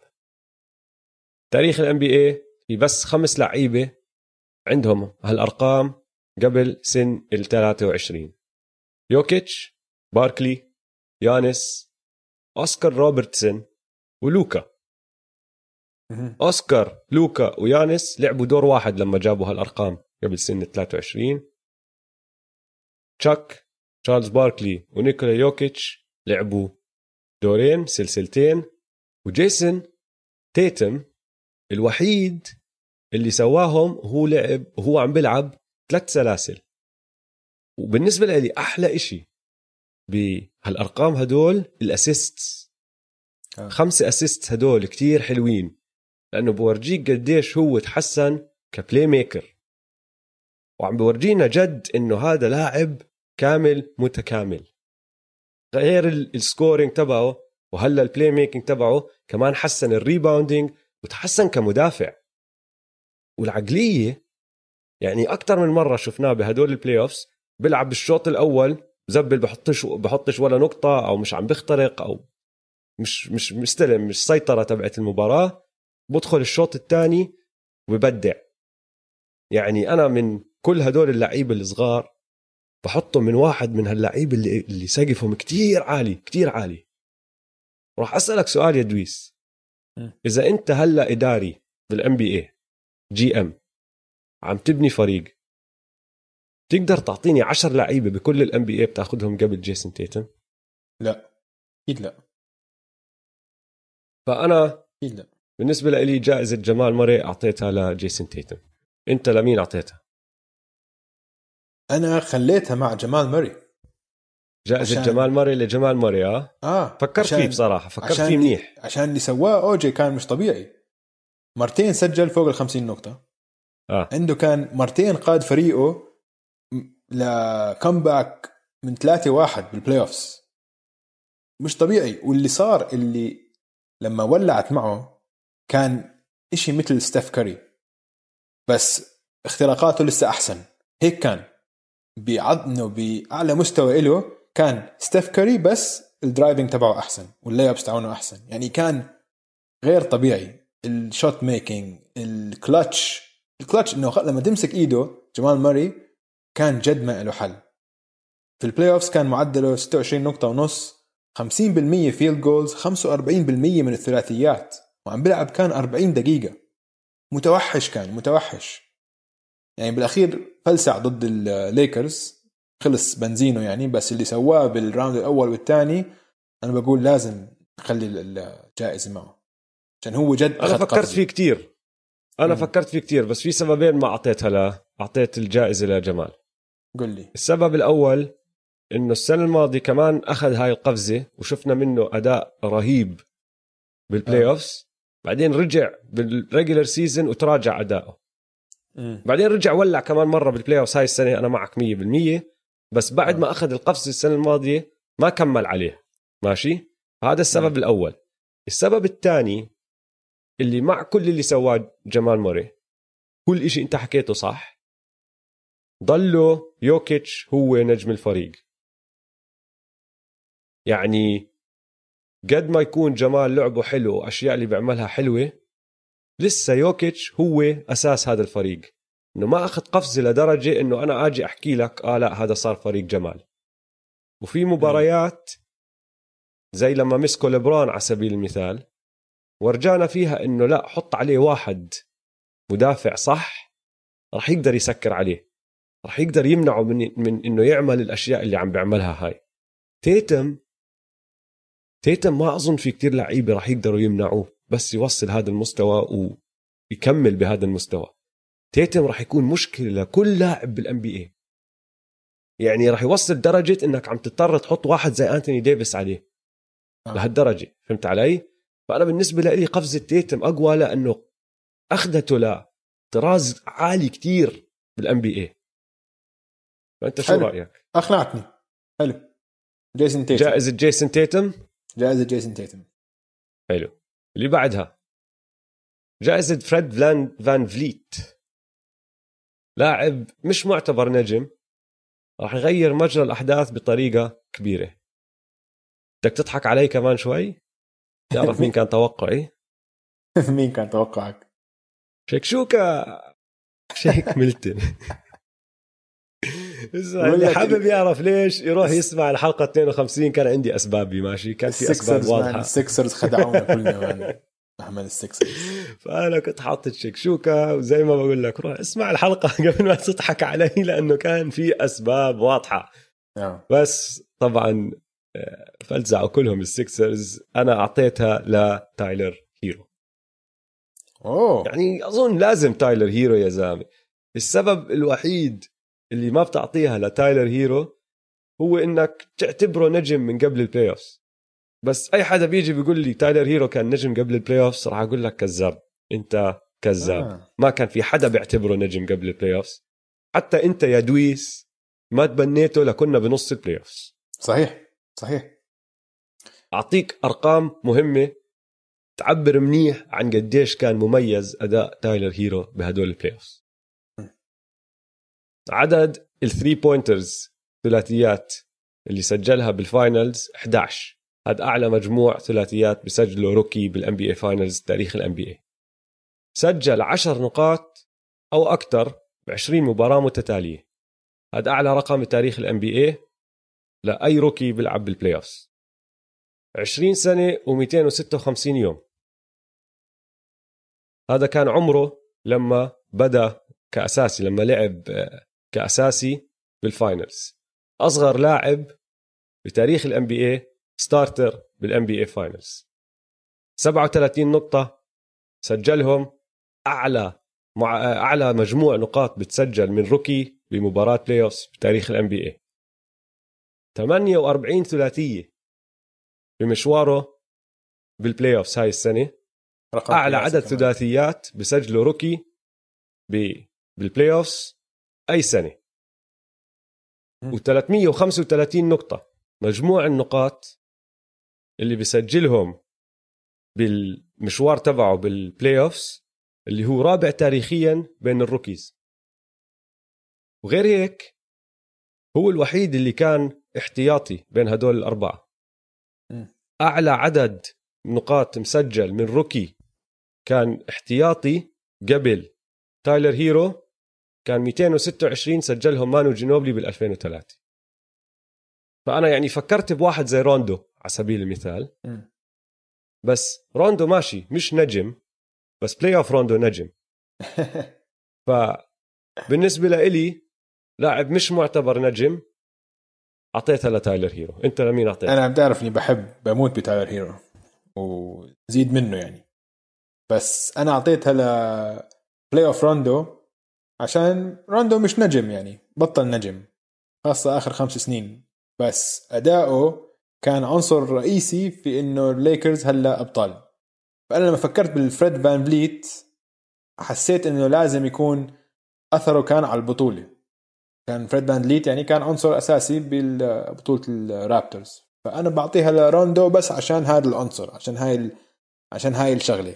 إنه روندو كان عنصر رئيسي إنه الليكرز فاز البطولة. حق خلص جائزة راجون روندو. playoff روندو. بس برجع بعيد. playoff روندو نجم. صحيح. هي هاي. الجائزة اللي بعدها. جائزة جيمس هاردن. آه. لاعب راح يخيب الأمال ويختفي في الأوقات الصعبة. أنا أعطيتها لراسل ويستبروك. 18 نقطة 7 rebound 4.5 assist 42% نسبة التسديد من الملعب 24% نسبة التسديد من برا القوس. كم من نقطة بالمباراة كان؟ 17.9 فخيب الأمال بالنسبة لي كتير واختفى بالأوقات الصعبة. بس بدي أحكي شغلة واحدة عنه عملها وكتير حلوة منه. على الملعب خيب الأمال.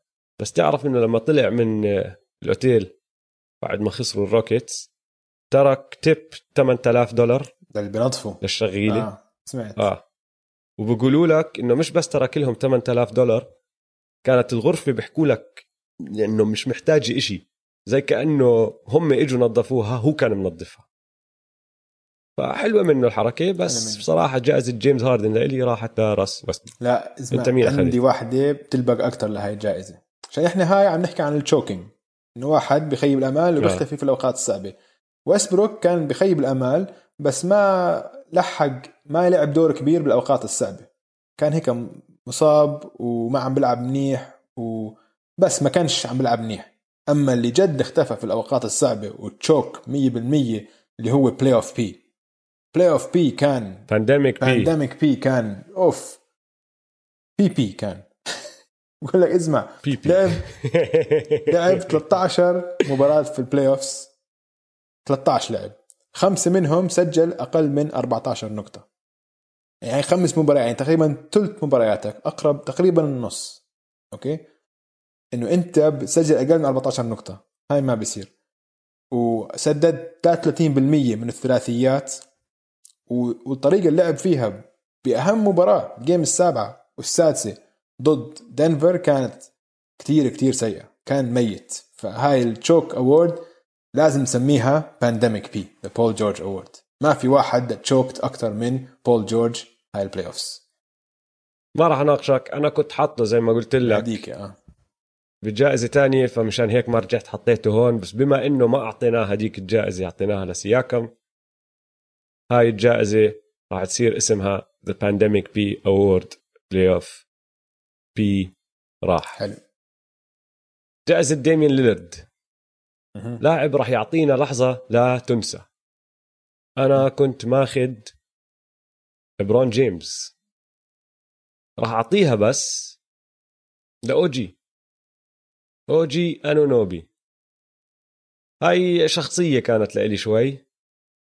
خسرانين 2-0 بالسلسلة. ضايل نص ثانية.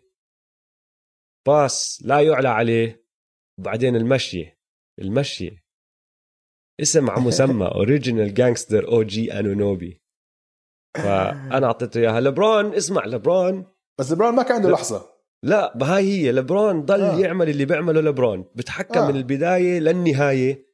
وما بعطينا هاللحظة. بلكن لو لعب غلط بهديك اللي هي ال pass اللي أعطاه لداني جرين اللي أنا وياك حكينا فيها كان ممكن. أعطانا هديك اللحظة. آه. بس لبرون مش صحيح. شغلته. لبرون بس سيطرة تامة من الأول للآخر. ما بتيجينا هاي اللحظة. للأسف الشديد راحت عليك يا لبرون أوجي أنونوبي اختياري. أنت مين عندك؟ أنا اختيار. هلأ نذكر الجميع نحن سميناها جائزة ديمين ليلرد عشان تسديد الثلاثية اللي قضى فيها على OKC السنة الماضية. متذكرينها. ال bye bye. بعين اشهر لكل حدا. فأنا فكرت إشي بهاي ال... بهاي ال... بهذا الوزن. فأنا بالنسبة لي كانت اللحظة هاي اللي انفجر الإنترنت يوميتها وانفجر تليفوني يوميتها مليون ألف message. كانت لما لوكا حط ال step back وفاز على ال buzzer ضد الكليبرز. حق. بس أظن هاي لازم نعطيها لأوجي. لأنه اسمع و- وجايك بشغلة لوكا هلا كمان شوي بس أظن كمان لازم نعطيها لأوجي. لأنه step back قد ما هي حلوة وقد ما فجرت الدنيا. بتضلها. step back نص ثانية cross court عمرك شفت زي شوتة اوجي لا. عمرك توقعت ردة فعل اوجي انونوبي لا كانت لحظة ع- مش طبيعية. بس فأنا أنا بحكي هاي لازم تكون جائزة اوجي بس لوكا نجم كبير وهاي لحظة طيب ما طيب، حتنتسى. استنى. أنا هيك عشان هيك فكرت فيها. فكرت تبعت أوجي لحظة كانت تاريخية رائعة. بس بعد خمس سنين إذا أنت مش من جمهور الرابترز حتنساها هاي. أما بعد خمس سنين ما حد حينسى لوكا.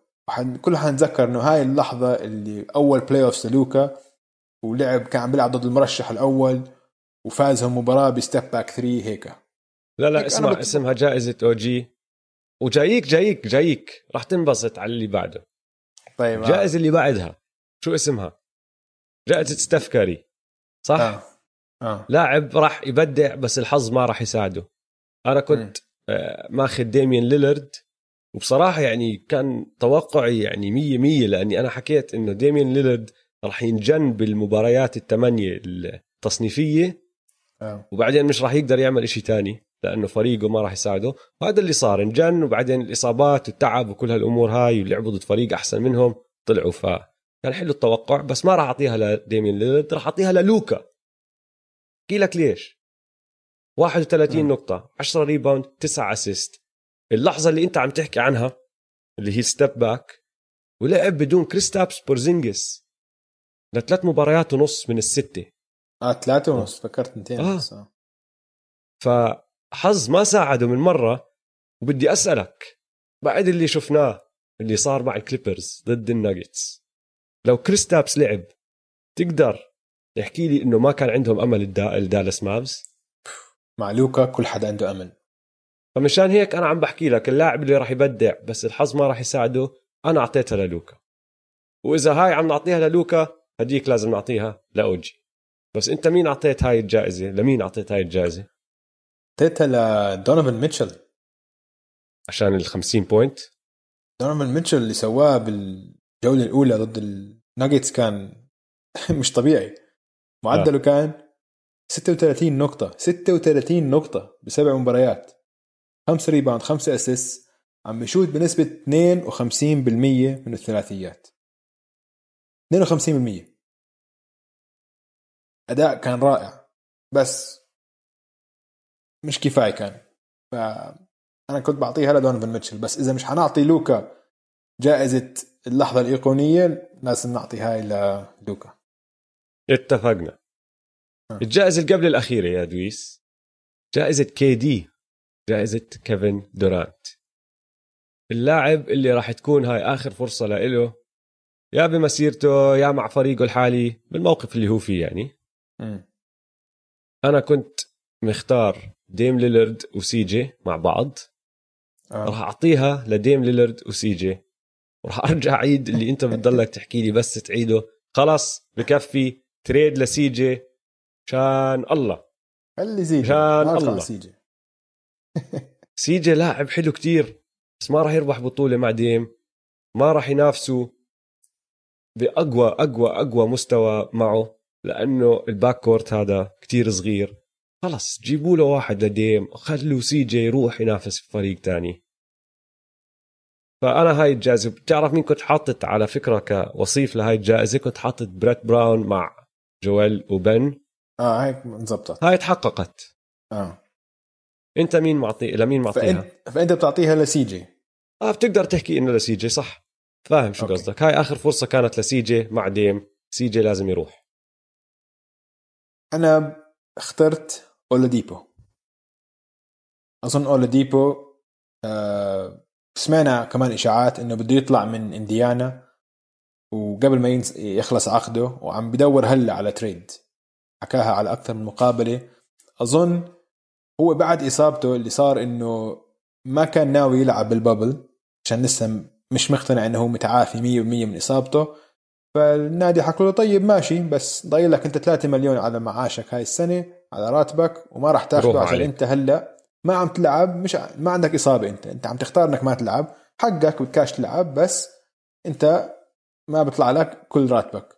فهو رجع لعب وما لعب منيح وهي واضح إنه ما كان مبسوط. فأنا باعتقادي أولاديبو هو اللي حيطلع من البيسرز. هاي خلاص كانت آخذ فرصة لهم. نعطيها ل أولاديبو لسبب بسيط اللي هو إذا هاي آخر فرصة له مع البيسرز هاي بخياره هو. سي جي بضل الخيار لإدارة النادي. وما بعرف إذا إدارة النادي بتوافقني الرأي إنه هذا ال backcourt لازم يتفرق. فال KD award راح يصير اسمه الأولاديبو award وآخر جائزة الراسل ويستبروك award اللاعب اللي راح يلتهي بكل شيء بيصير برا الملعب أنا كان آه، توقعي جي ار سميث أعطيتها لدانيال هاوس اللاعب آه. الوحيد بكل ال bubble اللي انكحش من ال bubble. ولا لاعب تاني انكحش. هو بس. انكحش. إنه روح. ضب أغراضك وروح.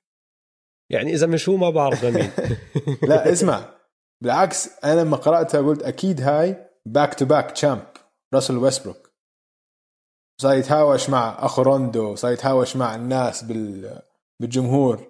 هاي بالعكس هو بالضبط طبق نفس الإشي بالضبط. يعني الوصف الوصف نفسه طبقه. راح طيب، ينتهي. بكل شيء بيصير برا. الملعب. يعني هذا هو بالضبط الوصف. يعني سوى نفس الشيء كم مرة مش معقول راسل ويستبروك man مش معقول. أنا أنا كنت حاطط راس لجائزة تانية مشان هيك ما رجعت عدته بس حق بتضلها جائزة راسل back to back champ 100% حتى هون ما بيعطي آه. باس حلو حلو الحكي. وهلا هدول راح يتطرقوا الأسامي. والسنة الجاي قبل ال playoffs نرجع من عيد توقعاتنا لجوائز man to man لويس حلو. آخر فقرة قبل ما نخلص اليوم. وراح يصير هاي نعملها من هون وطالع لأنه المواضيع بدنا نغيرهم شوي وبدنا نعمل شوية تفاعل مع المستمعين. إحنا بنعرف إنه دائما ببعثوا لنا أسئلة. وراح نعمل أكمل حلقة هم حلقات أسئلة إنه بناخذ أسئلة الجمهور وبنقعد بنجاوب فيهم.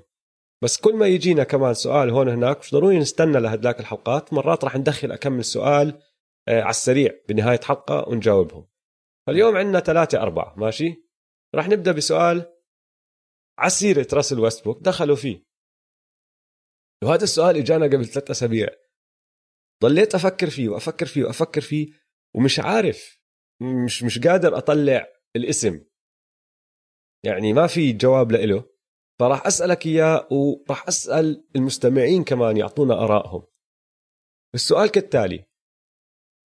مين في لاعب بآخر 30 سنة بيشبه ويسبروك من حيث أنه يكون خاسر بفرق كبير لكنه يتصرف وكأنه دمر الخصم ويدمرهم دائما ويصرخ ويتصرف بغباء؟ ما بعرف مين ما في واحد. أظن راسل ويسبروك غير عن كل لاعب شفناه يا أخي. يعني بقدر أحكي لك إنه في أشياء تانية براسل ويستبروك بتذكرني بلاعبين من السابق بس مش بهذا الإشي بالذات. لأنه ما أظن انعمل لهاي الطريقة. يعني جيلبرت اريناز ممكن الإيجو تبعه كان كتير كبير بضل يحكي وبضل يناقش بضل يتصرف جد زي كأنه مدمر الكل. وحتى بعد ما انصاب وبطل هو من المستوى العالي ضله هيك. بس وما عمره فاز إشي طبعا بس ما أظن وصل مرحلة راس. آه، فكرت بستيفن ماربري.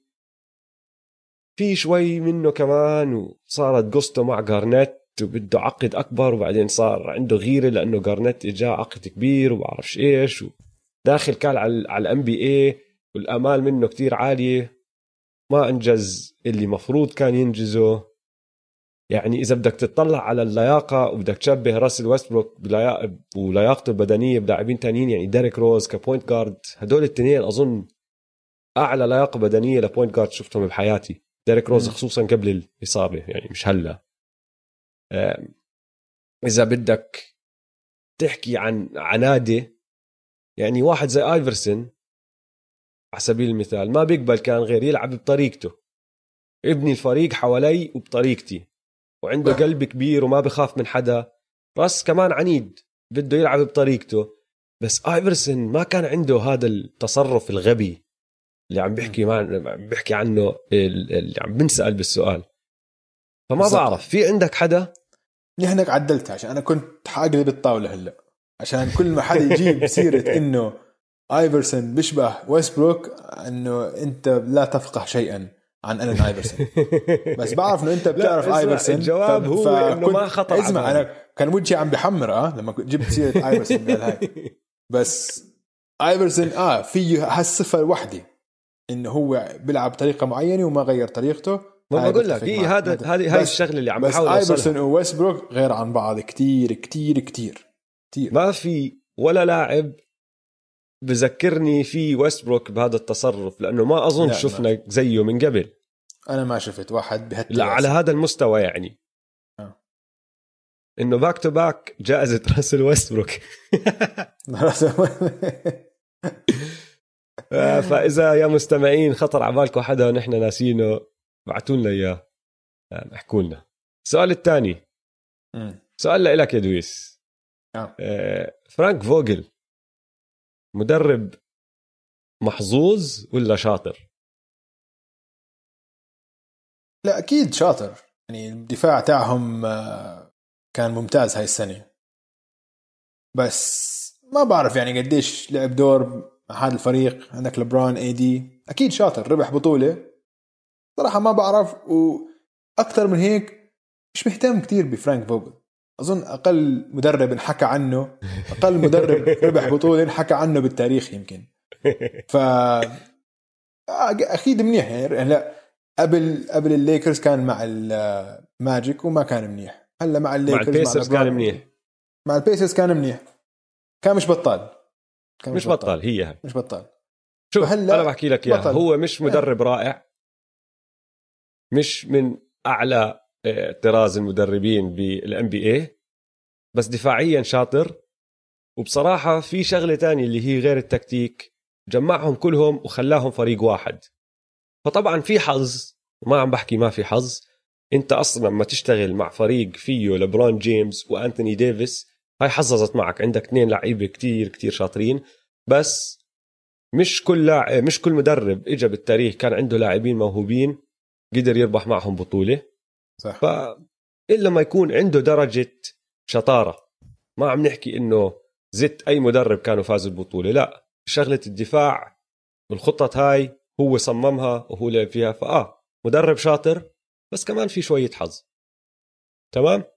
في شغلة بدي أحكيها بس لقيتها آه. غريبة كتير لما طلع على يستلم الكأس وحطوا الميكروفون بوجهه بلش يجاوب على سؤال بعدين مرة واحدة بعرف شو صار فيه قرر إنها فكرة منيحة لو هلا بصرخ.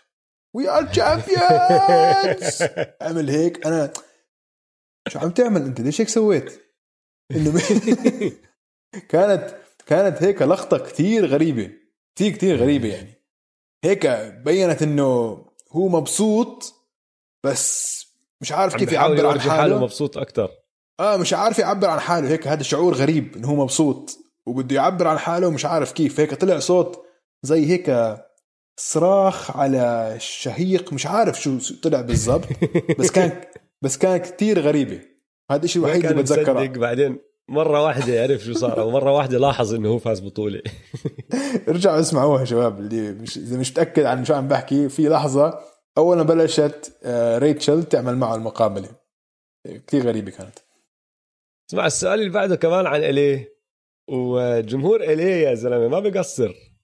ربحوا البطولة وتاني يوم بدوا يجوا الأسئلة. شباب مين فكركم آه، أحسن لاعب بيقدر يجي للليكرز السنة الجاي؟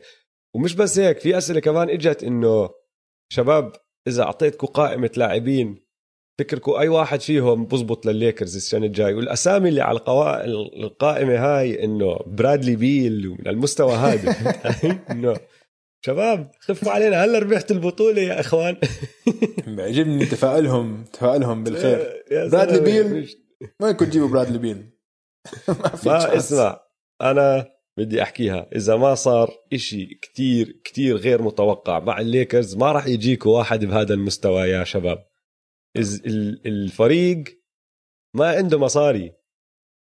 ما عنده مصاري يدفع للاعب من هذا المستوى. لازم يكون لاعب بيقبل ياخذ discount خصم كبير على راتبه عشان يجي لأنه عندهم بلكي 9 10 مليون مش أكثر فما راح تجيب نجم نجم نجم وتدفع له 9 10 مليون. وبصراحة ما عندك يعني لعيبة بعقود كبيرة إنك حتى تحطهم كلهم تريد وتبعته ترجع محله ناس. فصعب الأمور إنك تجيب لاعب من هالطراز نجم ثالث من هالمستوى. بس ما بتحتاجوه يا إخوان. ما بتحتاجوه. فزتوا البطولة بدونهم. وبدون أحسن مدافع perimeter عندكم كمان ايفري برادلي أحسن سيناريو ممكن يصير مع الليكرز أظن. يجي واحد زي دانيلو جاليناري مخضرم. المصاري مش فارقة معه كتير. ياخذ خصم ويجي بيساعدهم منيح كمان. 3 point shooter بيلعب منيح. فهيك لاعب آه بس برادلي بيل برادلي بيل. لا مستحيل. ما حيجيهم نجم كبير هيك.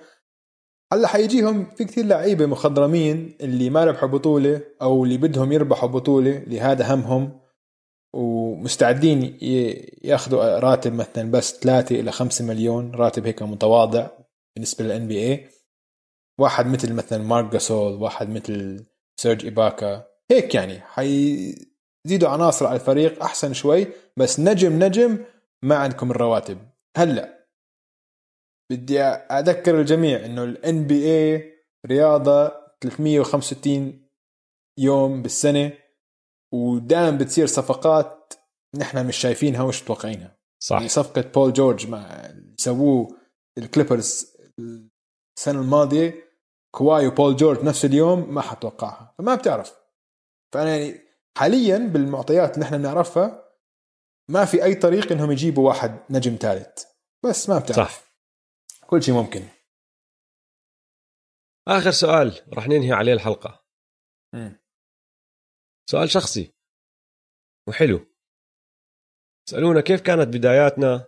كيف التقينا مع بعض؟ كيف إجتنا الفكرة؟ شو وشوية أشياء بتوضح المجهود اللي نحن بنعمله. من تحضير وأفكار ومونتاج وإلى آخره. حلو. حلو كثير سؤال. أنا وياك التقينا من زمان كتير لأنه ابن عمك من أعز أصدقائي من نحن صغار. طبعا بعرفك وبعرف إخوانك والعيلة منيح. والفكرة من وين إجت يا دويس؟ كنا أنا وياك بعرسه لابن عمك. وقاعدين بنسولف وبنحكي سلة لأنه بنحب السلة. كنت عم بارك لك. كنت لابس انت طاقية الرابترز عم بارك لك على البطولة. وطبعا كنت مبسوط كتير. هاد كان بعد البطولة بالضبط.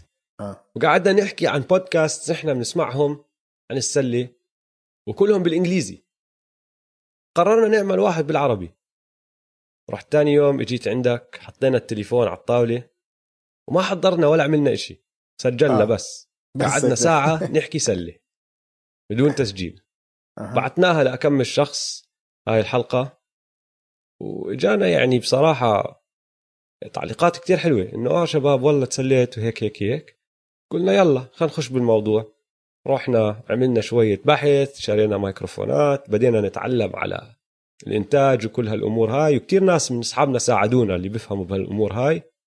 وشوي شوي بدينا كل حلقة بحلقة نتحسن ونتطور ونحضر شوي أكتر وهيك. وكتير بنحب السلة وكتير في معلومات براسنا موجودة لأنه منتابع قررنا نستفيد منها وهاي هي الشغلة. هو الشغلة الرئيسية عشان إجانا هذا السؤال بعدة صور خلال آخر كم من شهر إنه كيف بلشتوا؟ وكيف تعرفوا تعملوا هيك؟ هل الجواب إنه ما كنا نعرف أي إشي بالأول ما عندنا أي فكرة. كله بحث على الإنترنت تقدر تلاقي أي إشي. آه مثلا أوجي صار هلا اختصاصه آه، إنتاج الصوت وتعلم الصنعة وكله على يوتيوب. إذا بتحط على اليوتيوب أي شيء بدك تتعلمه بتلاقيه. وأنا نفس الشيء تعلمت آه، إنتاج الفيديو الفيديوهات الكليبات اللي بنحطها على مواقع التواصل الاجتماعي. وهيك هي شغلة بس عشان نحن بنعشق كرة السلة وبنعشق البودكاست. اللي ما ذكرناه يمكن إنه أنا وأوجي نسمع بودكاست أكثر من أي شيء تاني. يعني بسمع بودكاست أكثر من بحضر تلفزيون. عشان البودكاست دائما بداني وأنا عم بسوي شغلة تانية بقدر وأنا عم بسوق مثلا عم بسمع بودكاست وأنا عم آه، بغسل بودكاست بتنظف آه. البيت بودكاست, بودكاست. بالضبط. فأنا كنت أنا بعشق البودكاست كفكرة أصلا. فكتير كنت متحمس إنه نبلش نحن نسوي بودكاست بلغتنا كمان. هذا الحلو. عشان الرياضة ما في الرياضة بتجمع كل الناس والعشق للرياضة الشيء الوحيد اللي كل العالم بيتفق عليه الشيء الوحيد؟ فحلو إنه هيك نعمل بودكاست عن الرياضة اللي نحن بنحبها بلغتنا هذا أهم شيء كان لغتنا وبشخصيتنا. فبلشنا تعلمنا ولساتنا أنا باعتقادي إنه نحن كل كل حلقة نتعلم شيء جديد كل حلقة. وإذا بترجعوا تسمعوا حلقاتنا من الأول بتلاحظوا إنه مثلا آه، جودة الصوت كانت كتير أسوأ من هلأ. آه، ترتيب الأفكار كان أقل أكيد. يعني هلأ نحن التحضير اللي بنسويه كتير أكثر من قبل. إنه هلأ بنستعمل برنامج عمل مشترك. إنه مش Google Sheets وهيك بس إشي نفس الشيء عشان اوجي بيكره Google Sheets آه؟ بيكره كل شيء عن جوجل آه Sheets ما بحب. هاي لازم تعرفوا هالشغله فبرنامج هيك نفس الشيء بس إنه هو بيفتحها من عنده وأنا بفتحها من عندي وبنجهز الحلقة والفقرات وهيك. فأهم شيء إنها بتسلي. ما بعتبرها إنه هي مجهود شغل. كبير صارت. مجهود كبير بس ما بعتبرها شغل. بعتبرها متعة أكثر من أي شيء ثاني. وشباب واللي عنده فكرة يروح فيها. والله. بس بلش إذا سويها. أنت بتعشق إشي أي رياضة بدك تحكي عنها بدك تنتج فيديوز عنها اللي بدك إياه ما بتحتاج يكون عندك دراسة بهذا الموضوع. بيومنا الحالي كل إشي موجود على الإنترنت. اقعد كمل ساعة تعلم من الإنترنت وروح بحبش جرب اعمل. في شباب يعني هداك اليوم بعثوا لنا بودكاست عم بيعملوا بودكاست عن الانفل مم. وأخذوا رأينا. بعثوا لنا إياه. اعطيناهم رأينا وهيهم رايحين وشغالين وما شاء الله عليهم. اعملها بس خد أول خطوة. بالضبط. وإذا عندكم أي سؤال يعني عن بودكاست مثلا اسألونا. وما عندنا إنه بنجاوبكم. بالعكس بنحاول نشارك خبرتنا. وعشان لسه نحن بنشعر إنه هذا بأوله. نحن بأول مشوارنا يعني بالبودكاست. عشان لسه باعتقادي أنا إنه عالم البودكاست حينمو كتير.